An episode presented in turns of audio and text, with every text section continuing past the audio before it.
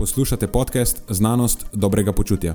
To je oddaja, v kateri odkrivamo, kako lahko znanost pomaga izboljšati vaše počutje in kako kritično razmišljanje omogoča sprejemanje dobrih odločitev na področju zdravja in fitnesa.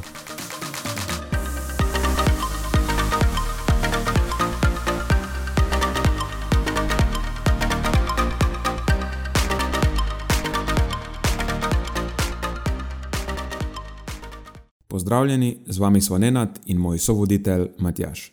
Glavni temi tokratne epizode sta vloga vitamina E pri zdravju možganov ter kaj sploh pomeni zdrava mikrobiota in ali lahko s spremembami mikrobiote dejansko vplivamo na zdravje. Preden začnemo, pa se moram zahvaliti še našim sponzorjem. Zaenkrat to še vedno ni velika korporacija, temveč zvesti poslušalci, ki nam izkazujete zaupanje in podporo s prijavo v našo člansko skupino Znanost dobrega počutja. Hvala vsem, ki s tem držite luči prižgane in omogočate podkastu, da raste in postaja še bolj kakovosten. Hvala tudi vsem, ki nas podpirate s pozitivnimi komentarji in visokimi ocenami, ter s tem, da priporočate podcast svojim znancem in prijateljem. Zdaj pa je končno čas za začetek epizode. Uživajte ob poslušanju.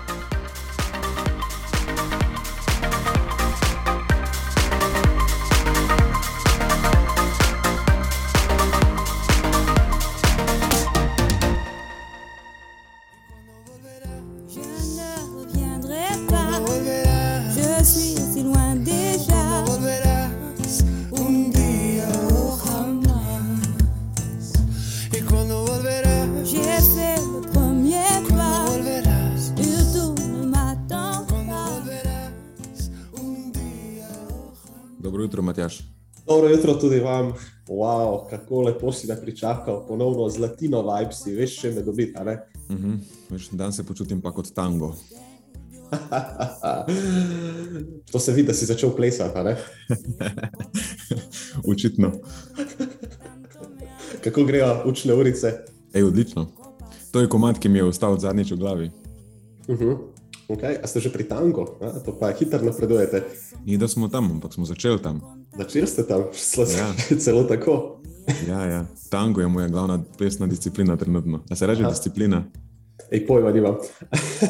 Let's go with it.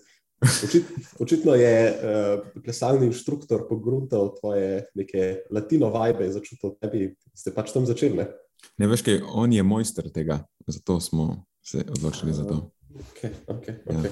Ja. Zdaj, za, ja, za salso imamo enega drugega v planu, oziroma njo. Okay, okay. Še dogovarjamo se še za skupino. A, mimo grede, mogoče bo to zdaj že prepozno, ampak rabimo enega modela, ena punca nima soplesalca. Uh, Kar je funny fact. Pogovarjali smo se o tem, eh, da so, kot kaže, moški v povprečju bolj nenaklonjeni plesu, kar se meni osebno zdi nenavadno.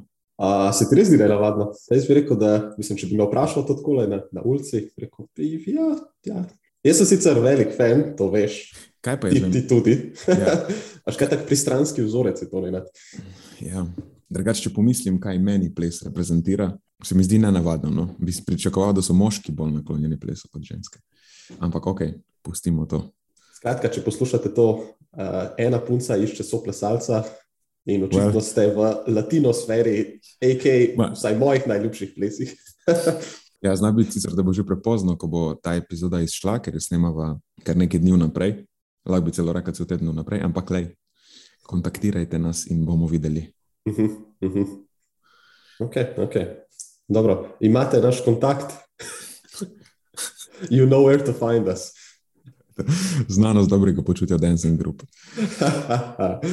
Drugač pa, mislim, neko boj band moramo znati plesati. Ja, absolutno. absolutno. Vse to smo zadnjič pokazali, da imamo dancing moves. Uh, smo, smo, mislim, da moramo celo večkrat. Vsi, uh, vsi dobri bojbendi obvladajo ples, to je res. Drži.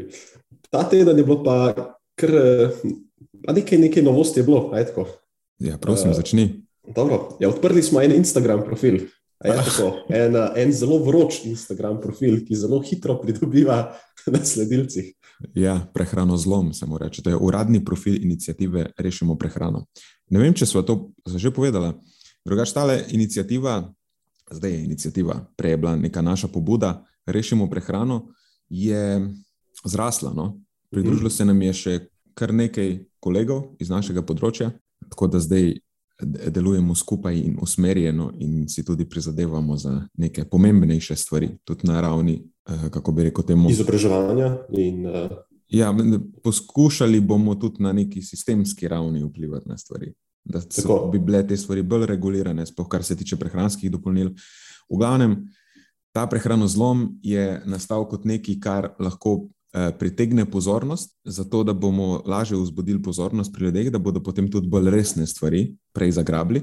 In nekako ta eh, profil prehrano zlom eh, se je meni zdelo smešno, da bi mu rekli, da gre za satirično reinterpretacijo tragikomičnega stanja prehrane v Sloveniji.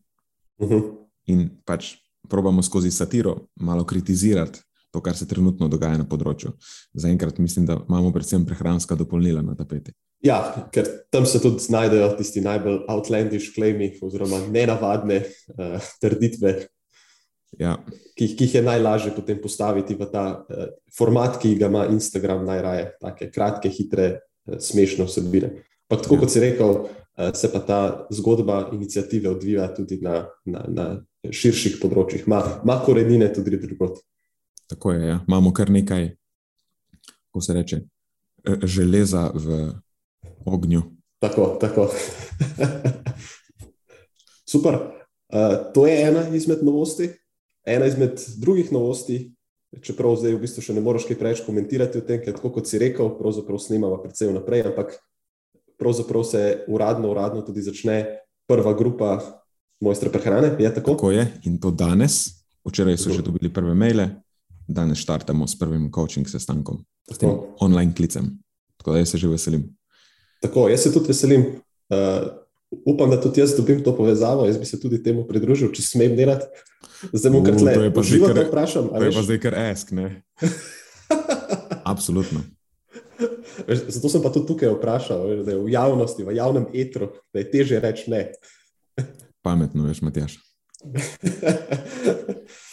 ok, a imamo še kakšno novico? Uh, jaz imam eno, eno novost, ki bi jo izpostavil, v bistvu ena taka raziskava, ki je bila pravkar retraktana, pa mislim, da bi lahko spadala v to kategorijo. Prosim. Okay. Ampak eno vprašanje za začetek. Nenad. Kaj po tvojem mnenju najbolj vroč vitamin zadnjih let, še posebej od korone dalje? Ja, D. Ja, da D. Kaj vse se bo pripisuje? Kaj vse si ti slišal v zadnjih letih?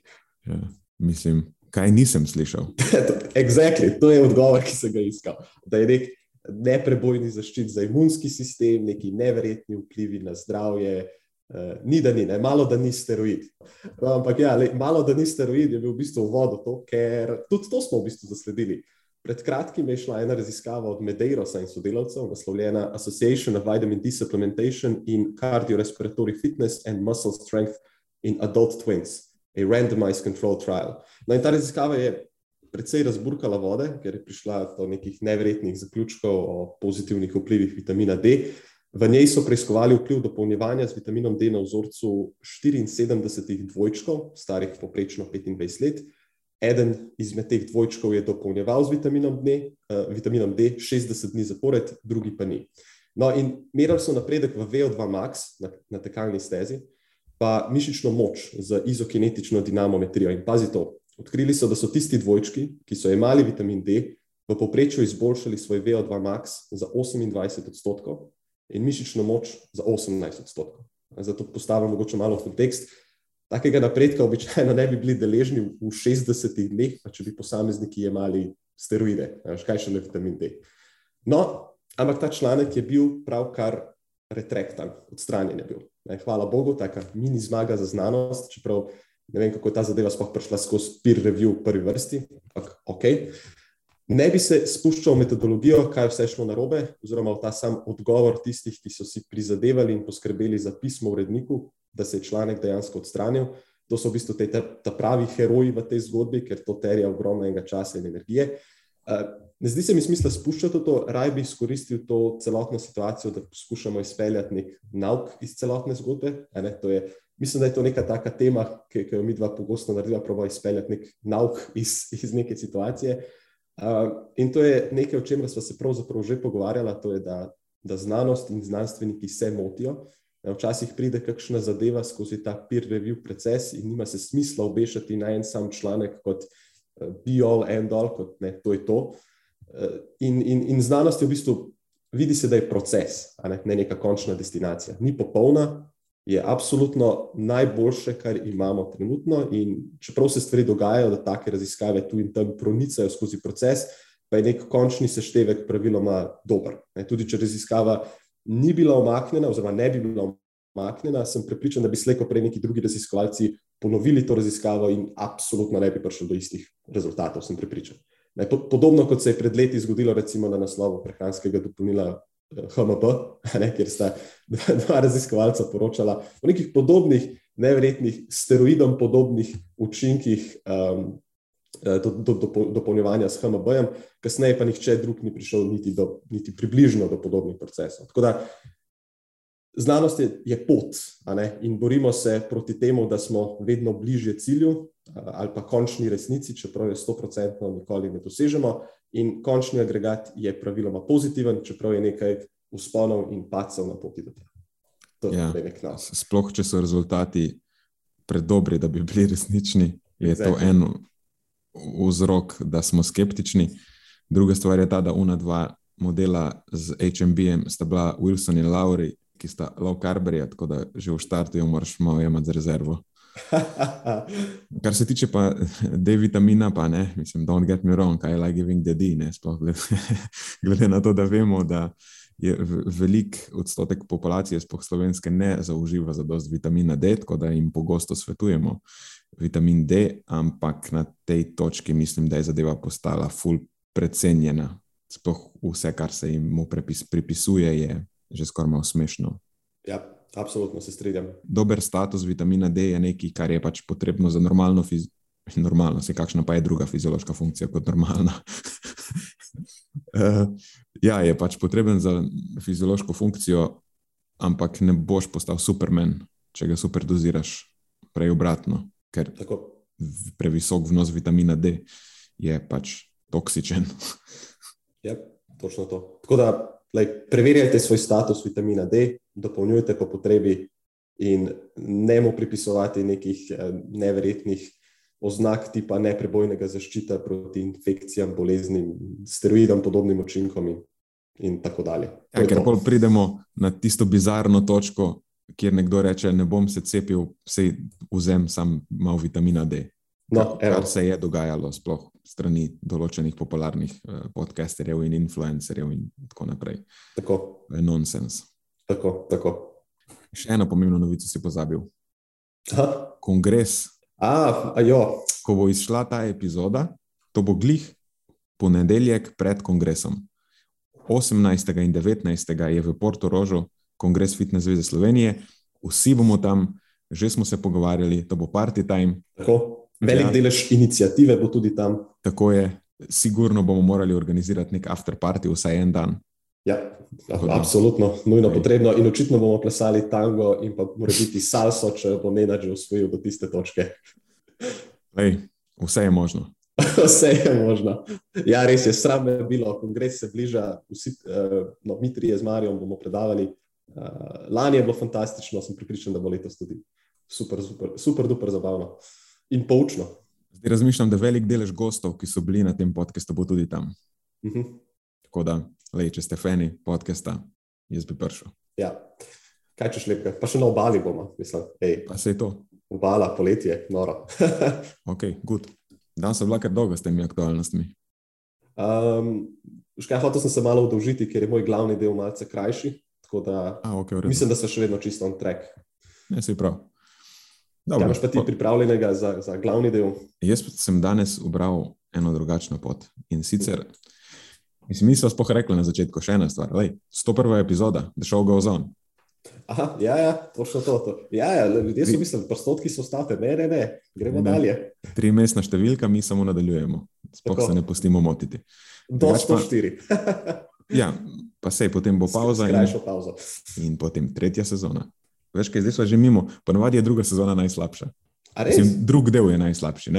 Veš, uh. Prvi del, kao hit, vsi so zadovoljni, in potem v drugem delu se to je v filmskem svetu, se mi zdi, da je tako. Pol od drugega dela pri, pričakuješ ful, ampak te vedno razočara. Okay. Kaj, mi dva smo šla, izbrala smo pot Boter dvojke, ki je boljši od enke. A, okay. Objektivno. Izbrala smo tudi pot Aliens dvojke, ki je boljši od enke. Izbrala smo pot Terminator dvojke, ki je boljši od enke. Tako da so izjeme in tiste izjeme, ki so, so, so zelo dobre. Imáš prav. Ja. Klasike. Vse mogoče pa ta moja hipoteza ne drži. Ne vem, meni Ne, se ne, vedno sej, zdelo. Mislim, da v, prvi, vr- v glavnem kar drži, no? ampak pač nekaj izjem je. Ne? Zdaj, okay. Te tri sem se spomnil, več pa se jih najbrž tudi ne bi. Good point, pripričal si me. Torej, eh, ja, Terminator 2, super. Kaj sem hotel reči, da sem zbral eno malo drugačno pot, ponavadi kak aktualen članek predstavim. Danes bomo predstavili enega, ki mi je zelo všeč, ki je star članek in spomnil sem se, da o tem še nisva govorila. In na to sem se spomnil zato, ker pripravljam prezentacijo za kongres, eh, kjer je naslov je Prehrana za možgane. Meni zelo, zelo, zelo, zelo, zelo, zelo, zelo ljuba tema. In eh, bo članek o vitaminu E, ampak ne bo nenavadna raziskava, je. se boš videl zakaj. Um, bi rad pa s to raziskavo oziroma s to predstavitvijo izpostavil pomen vitamina E. Se mi zdi, da vitamin E je ena stvar, ki je slabo razumljena, pa napačno razumljena, uh, tudi premalo izpostavljena. Torej, če govorimo o prehranskih dejavnikih, ki vplivajo na, na zdravje, na zdravo, rečemo temu zdravo staranje možganov, zdravo staranje možganov, kaj sploh to pomeni. Ne? Eh, Neka taka abstraktna fraza. Pač to je, temu lahko rečemo, da pomeni v starosti neko znižano tveganje za nevrodegenerativne bolezni, pa recimo, da počasnejše kognitivno usihanje. To lahko definiramo kot zdravo staranje. In od prehranskih dejavnikov, ki so znani, pa se o njih načeloma vsi strinjamo, eh, te so omega-3 maščobne kisline, sploh DHA, eh, B vitamini, torej zadosten vnos B vitaminov se kaže kot nekaj, kar je zelo pomembno, sploh recimo B12 pa B6. In pa so seveda nam zelo ljubi polifenoli, še posebno flavonoidi. In potem pride že na vrsto ta manj znani ali pa manj omenjeni vitamin E. Zdaj, čist na brzino lahko, kaj sploh je vitamin E. V glavnem deluje v antioksidativni obrambi, preprečuje peroksidacijo večkrat nenasičenih maščobnih kislin v membranskih lipidih, torej ščiti membrane celic. In ker so možganske celice zelo bogate sploh temi omega-3 tipa, ki so najbolj nenasičene med nenasičenimi, je mehanistično gledano zelo smiselna predpostavka, da bo zelo pomemben dejavnik pri zdravju možganov ali pa pri zdravem staranju možganov. In vnos vitamina E je v prospektivnih kohortnih raziskavah dejansko precej močno povezan, pa zelo dosledno z znižanim tveganjem za demenco in Alzheimerjevo bolezen. In to pri različnih populacijah. Ne, da imamo samo neko ameriško ali pa samo evropsko, ampak tako generalno, skoraj po celem svetu. Ampak, en velik ampak, ki ga moramo upoštevati, je ta, da ta povezava se nanaša izključno na vnos iz naslova živil, ne dopolnil. Ker po drugi strani imamo pa številne intervencijske raziskave, ki so tudi preučevale vpliv dopolnila vitamina E na kognitivne izide, pa načeloma ne ugotavljajo učinkov.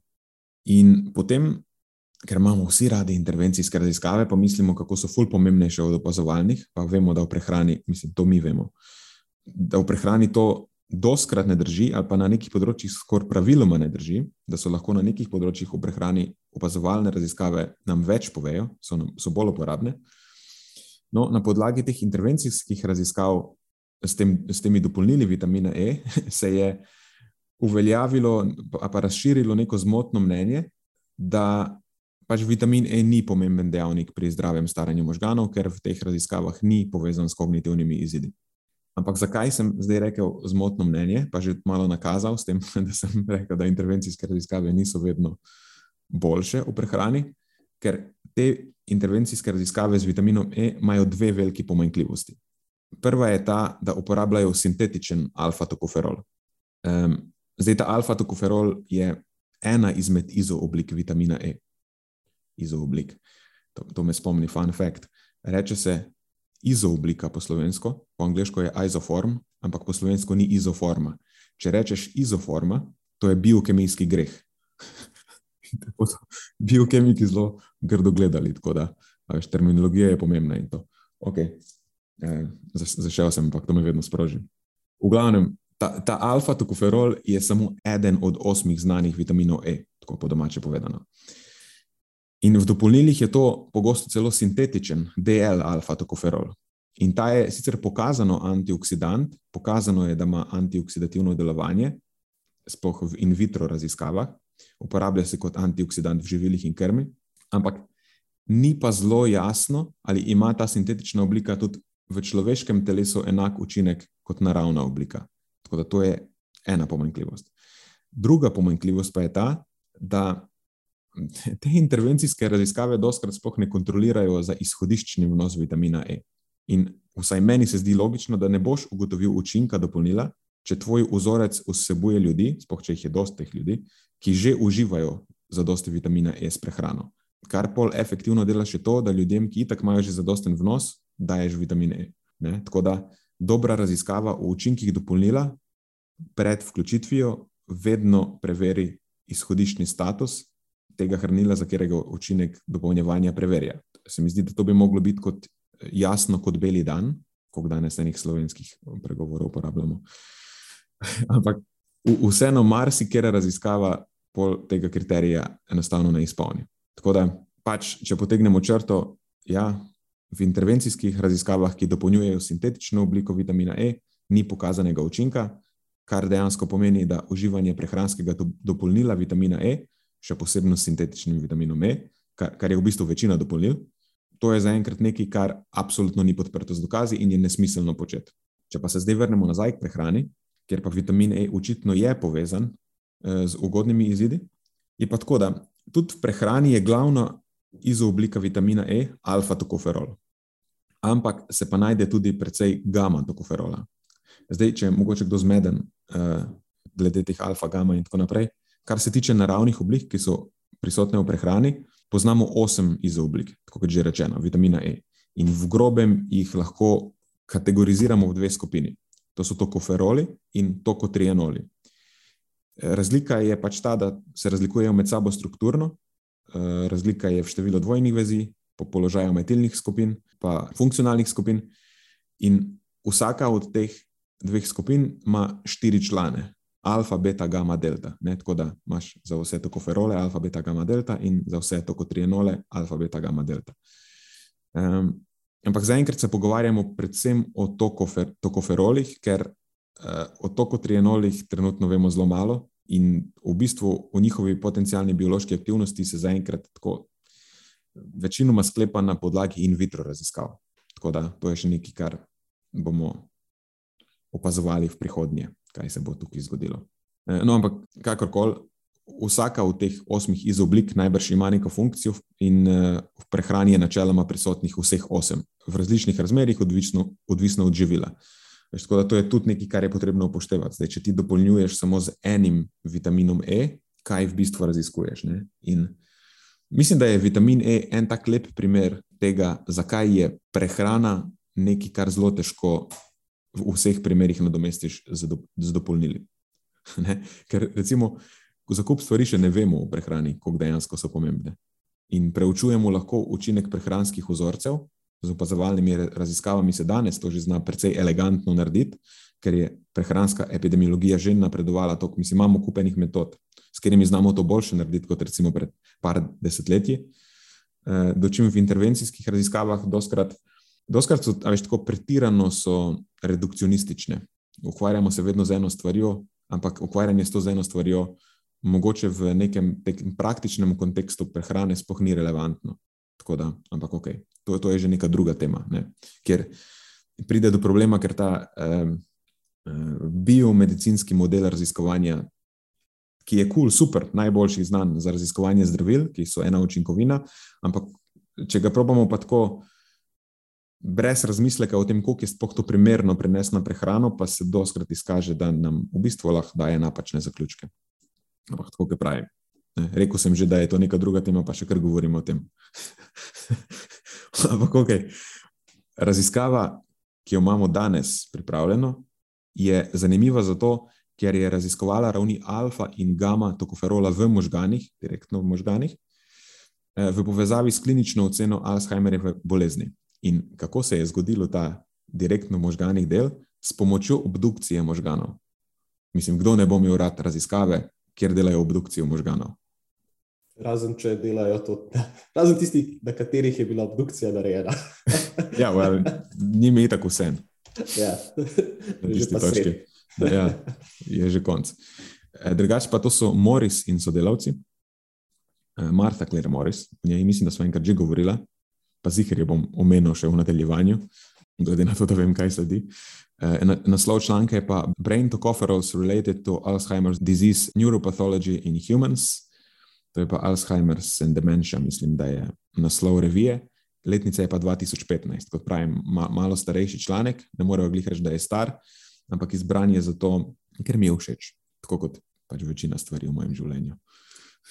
Uh, ok, torej, kje sem ostal? Aja, udeleženci oziroma njihovi možgani, ne, veš, tukaj spoh težko govorijo o udeležencih, tukaj so sodelovali v tej raziskavi, so sodelovali samo možgani.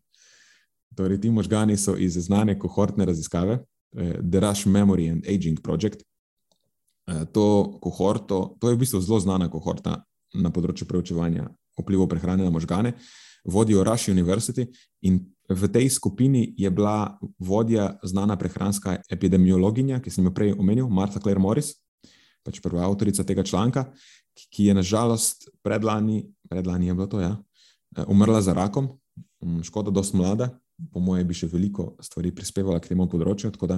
Jaz, če se prav spomnim, smo v eni epizodi že naredila poklon njej, ampak jaz bi tukaj na tej točki še enkrat se poklonil, najbrž ni zadnjič, ko se bom, meni je bilo na fulo všeč. In ona je tudi izumiteljica, ne vem, če se reče izumiteljica, The Mind Diet. To je pa The Mediterranean Dash Intervention for Neurodegenerative Delay, to je kratica The Mind. Zelo elegantno se to kratica, ne? The Mind pomeni. Ni, ni možgani, ampak um, Um, ja. ja, um, um diet, če bi bil slovenski prevod. Samo ne vem, kako bi pol razširila to kratico, ampak whatever. E, v glavnem, to je, to je prehranski vzorec, ki, trenutno kaže, ki trenutno kaže največji potencial za zaustavitev kognitivnega usihanja in za preventivo pred neurodegenerativnimi boleznimi. Ampak, ok, to je spet že neka druga, druga tema. Danes, po mojem, boš mogel držati nazaj, ker zahajam.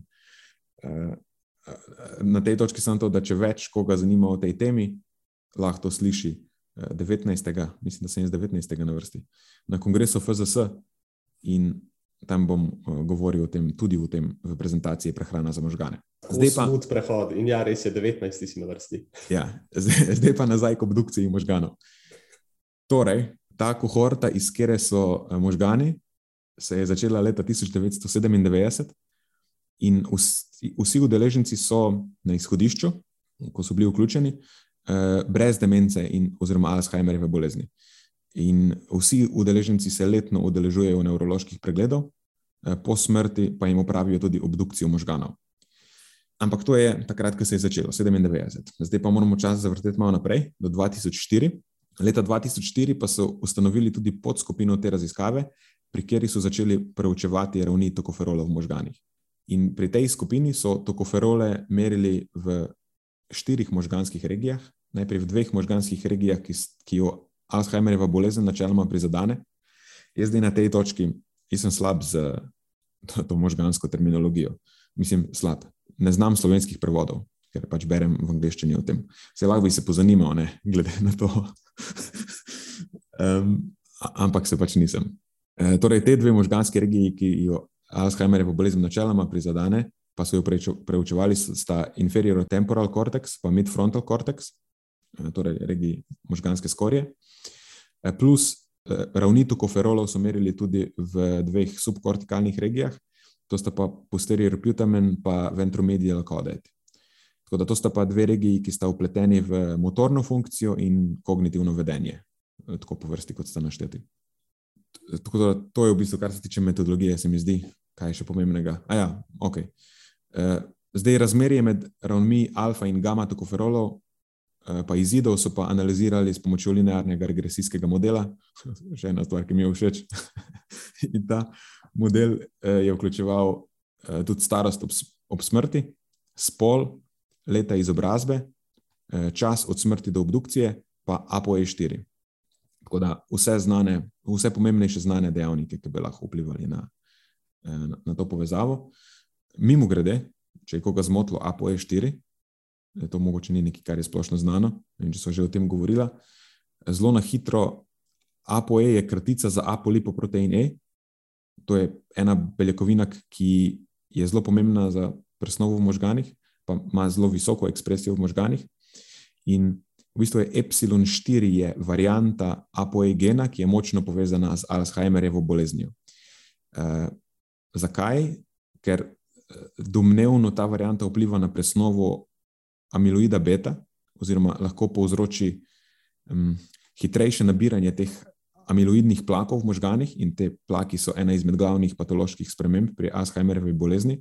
Tako da ta ApoE epsilon 4 oziroma ApoE 4 je eh, pomemben genetski dejavnik tveganja za Alzheimerjevo bolezen. Eh, tako da zato je super pomembno, da se pri preučevanju izidov na tem področju vedno vključi zadeva oziroma se za njo kontrolira. In še na tej točki ena stvar bi izpostavil.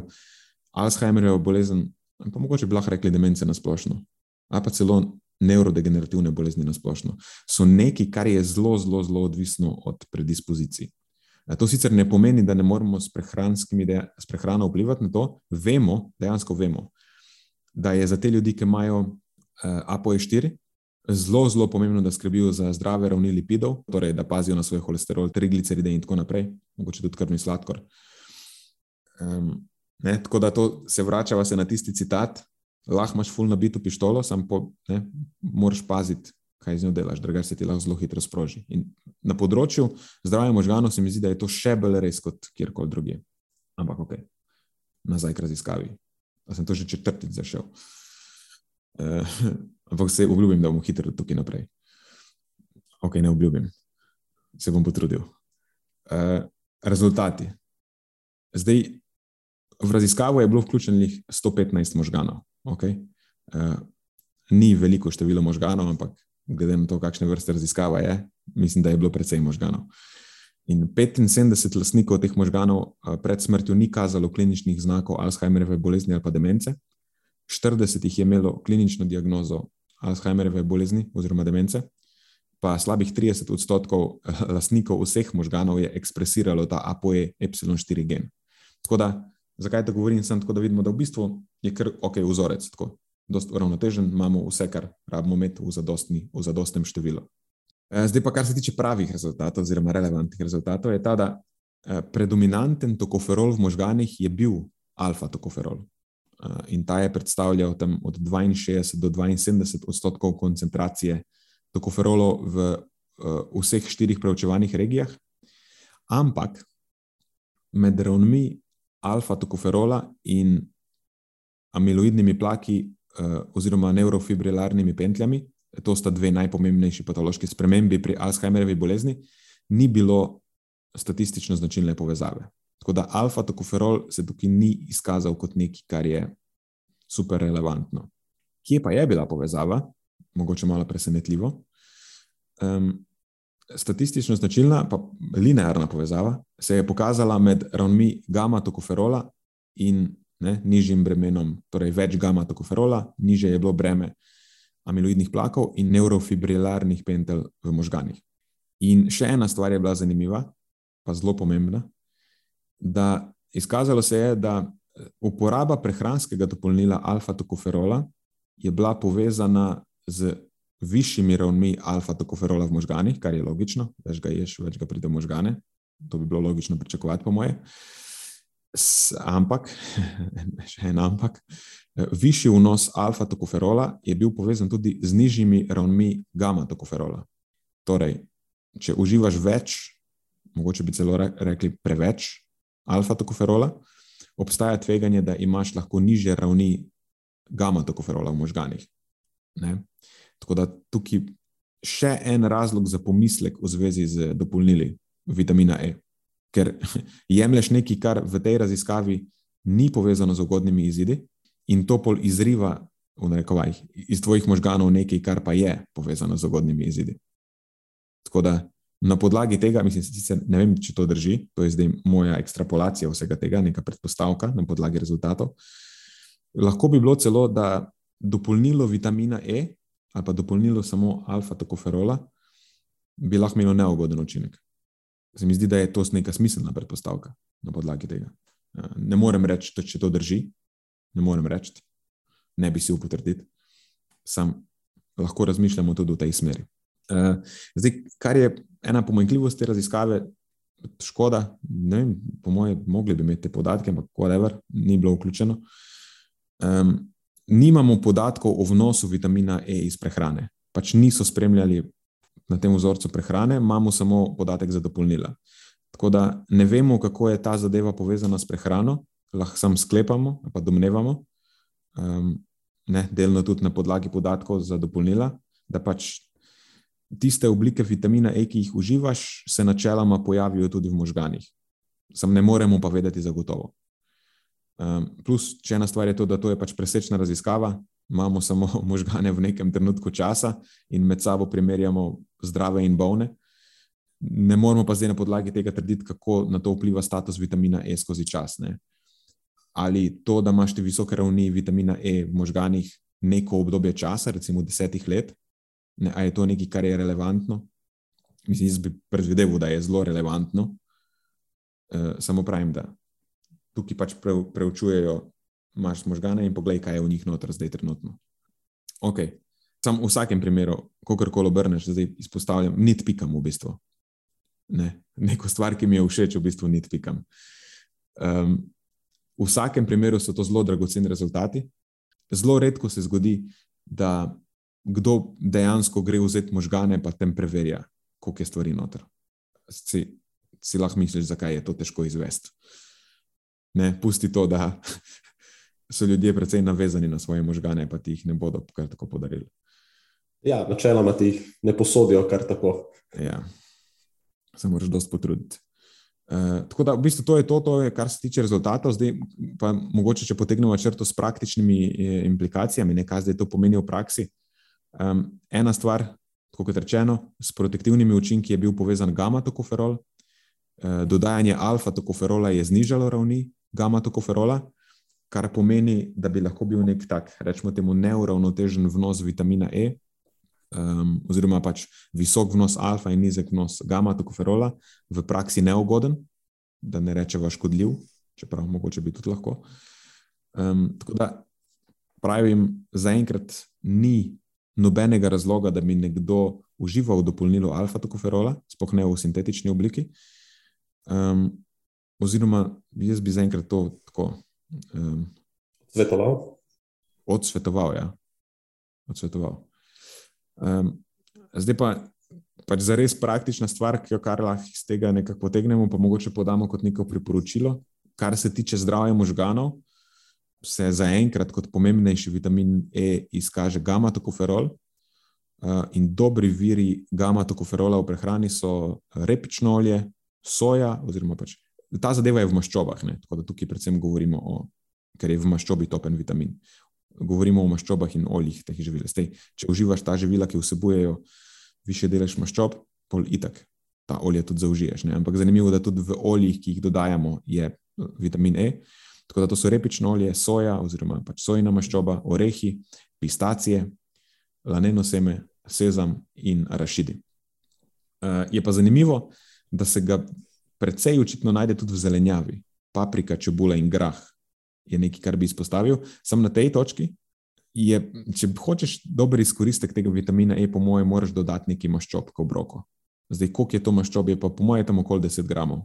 Ker, tako, across the board ugotavljamo, da kar se tiče v maščobi topnih vitaminov, je to nek odmerek maščob, ki je načeloma potreben za dosto dobro absorpcijo uh, v prebavnem traktu.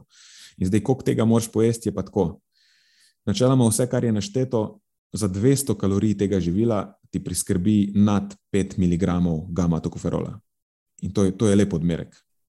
Um, zdaj, kar se tiče optimalnega vnosa, če sklepamo, ne vemo dejansko, koliko je optimalen vnos, ampak če sklepamo na podlagi opazovalnih raziskav, v njih dejansko ugotavljajo povezavo, um, lahko domnevamo, da bo nekje med 13 in 19 mg na dan. In zdaj, če upoštevaš, da je gamma tokoferol samo ena izmed izooblik, v bistvu je 5 mg že 25 odstotkov tega vnosa. Uh, tako da se mi zdi, da je to mislim, da bi lahko stal za tem priporočilom zaenkrat, dokler nimamo uh -huh. drugih boljših podatkov. zelo, zelo zanimivo, pa tudi praktično uporabno.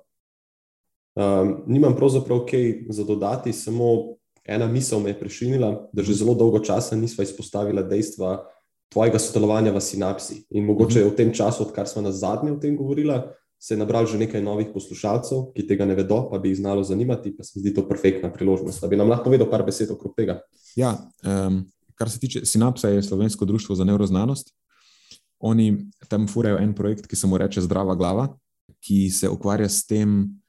Eh, njihova misija je izobraževanje o pomenu zdravega življenjskega sloga v preventivi pred eh, kognitivnim usihanjem in neurodegenerativnimi boleznimi.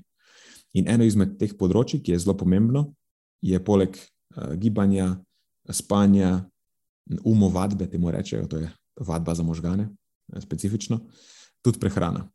In pač nekako za ta strokoven del, oziroma eh, tako je, da v, v, na tem projektu sodelujo študenti. Študenti, um, v bistvu multidisciplinarna je zadeva, ne samo študenti medicine, ampak tudi študenti vseh drugih smeri, ki, se, ki, ki mogoče za kasneje razmišljajo, da bi šli v neuroznanost, ker pač neuroznanost je zelo multidisciplinarna. In zdaj, ker so to študenti, je fajn, da nekdo bdi nad tem, kar delajo, in pred, jaz sem zadolžen za prehrano. Tako da, kar oni delajo, je, da doskrat eh, napišejo kak članek, interpretirajo neke eh, znanstvene članke, in kar jaz pol naredim, je, da grem skozi to, kar, kar so naredili, eh, pa dodam na koncu nek moj komentar k temu. Tako da, to je to. Plus, um, za njih sem pripravljal te usrednje vsebine, kako prehrana vpliva na možgane in tako. In v okviru tega, tega smo pripravili tudi eh, prve slovenske smernice, prehranske smernice za zdravo glavo. To, to je nekaj, kar, s čimer smo se ukvarjali, kdaj je bilo to predlani. Ne? Nekaj, kar ja. je zelo, zelo, zelo dosti časa in nekaj, kar, na kar sem v bistvu ponosen. Tako da, ja, pač, mislim, da je trenutno ena izmed bolj kompletnih zadev na tem področju.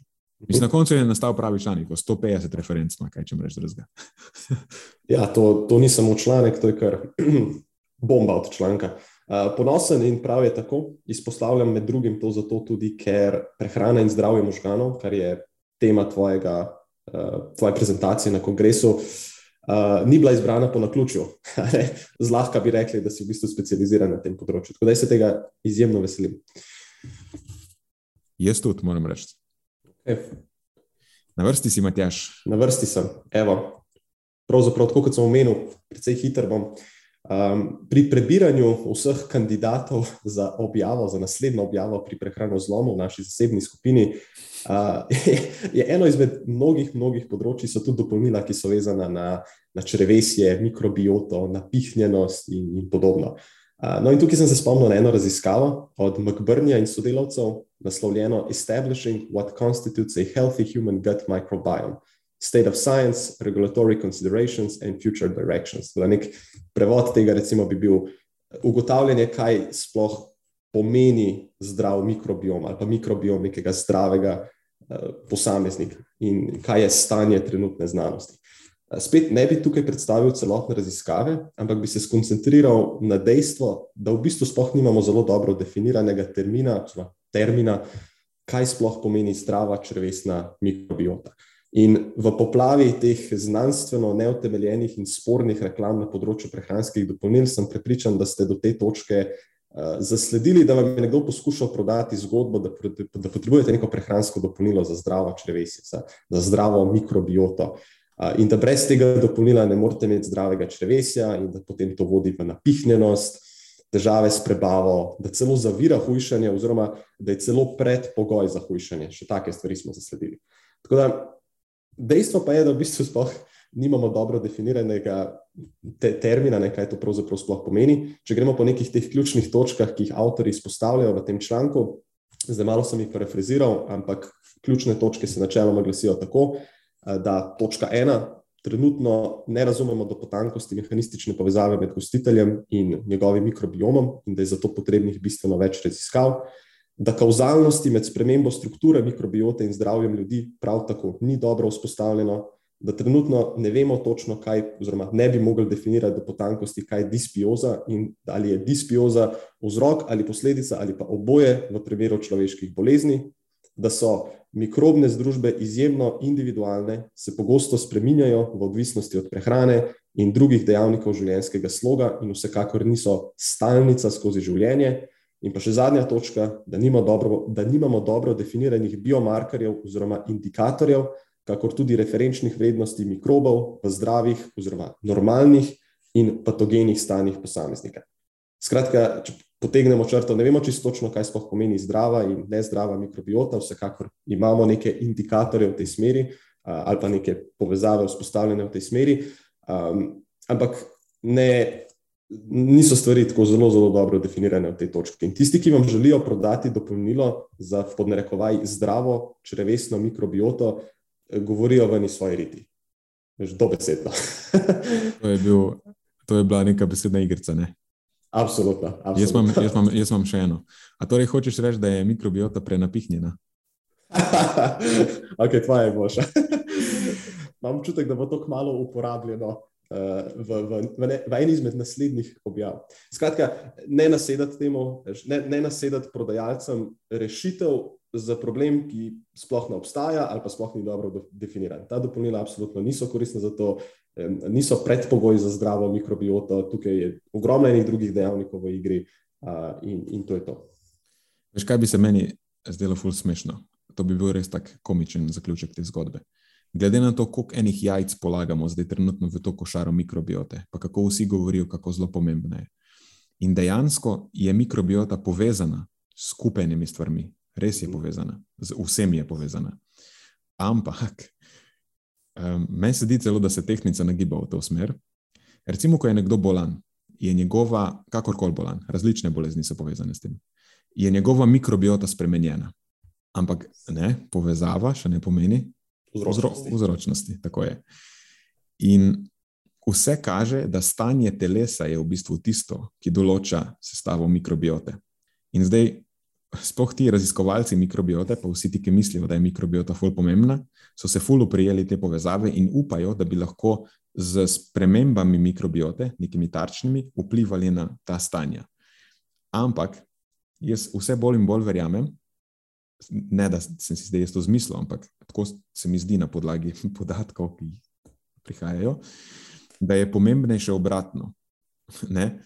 Da dejansko je mikrobiota samo nek kazalec tega, da ne moreš ti vplivati. Ne? To je kot recimo ravni holesterola v krvi. Nekaj se dogaja v telesu in pokaže se kot neidealne ravni holesterola v krvi. In ne moreš zdaj ti iti spremenjati holesterola, pa da se bo pol v telesu nekaj ful zgodilo. Lahko jih sicer uravnavaš tarčno, ampak, ampak še zmeraj imaš problem. Recimo telesna masa, povišena telesna masa, pretirana zamaščenost je en tak problem. Ne, ne moreš zdaj ti uravnati ravni holesterola, pa boš pol shujšal. Lahko mhm. sicer ti tarčno z zdravili, sploh statini, ne, res je, znižaš ravni holesterola, zmanjšaš tvoje tveganje za srčno-žilne bolezni, ampak nek delež tveganja še zmeraj ustane na račun tega, da imaš ti povišeno telesno maso ali pa zamaščenost. Ne, tako da najbolj idealno bi bilo, da bi izgubil telesno maso, če imaš odvečno, in bi tako absolutno pač znebil bi se tega tveganja na račun tega. Ja, ta, ta prim, primerjava v bistvu s holesterolom in statini je tako, right on the money, mislim, v nulo, v bistvu pred, v nulo postavi celotno situacijo v kontekst. Tako da jaz zaenkrat razumem to mikrobioto kot nek marker, ne kot nekaj, s čimer bi lahko dejansko um, zelo močno vplival na stanje telesa. Uh mhm, -huh, se strinjam. In zdaj, ok, kul. Cool. Lahko da se bo pokazalo, jaz to čisto verjamem. Tako kot v primeru statinov, če uravnaš z zdravili ravni holesterola, v redu, malo si zmanjšaš tveganje, ampak ni idealna rešitev. In enako se mogoče lahko pokaže, ampak zaenkrat teh podatkov nimam, zaenkrat tega ne znamo narediti, to ni mogoče. Eh, da pač, če bi imel nek poseben probiotik, da bi malo spremenil ali pa vplival na stanje mikrobiote, pa bi to lahko imelo ugoden učinek na zdravje. Ampak še zmeraj glaven razlog za težavo je, da se v telesu dogaja nekaj, da je tvoje telo v nekem stanju, ki ni idealno. In se ne moreš popolnoma znebiti tveganja samo z jemanjem probiotikov. Tako da gre za pač neko bliž v najboljšem primeru. Uh mhm. -huh. Ja. Ok, a je to to za sto enko? Tako, mislim, da smo zadevo pripeljali koncu in to v zelo kulturnem času. Odlično. Tako da, the show goes on. The show goes on.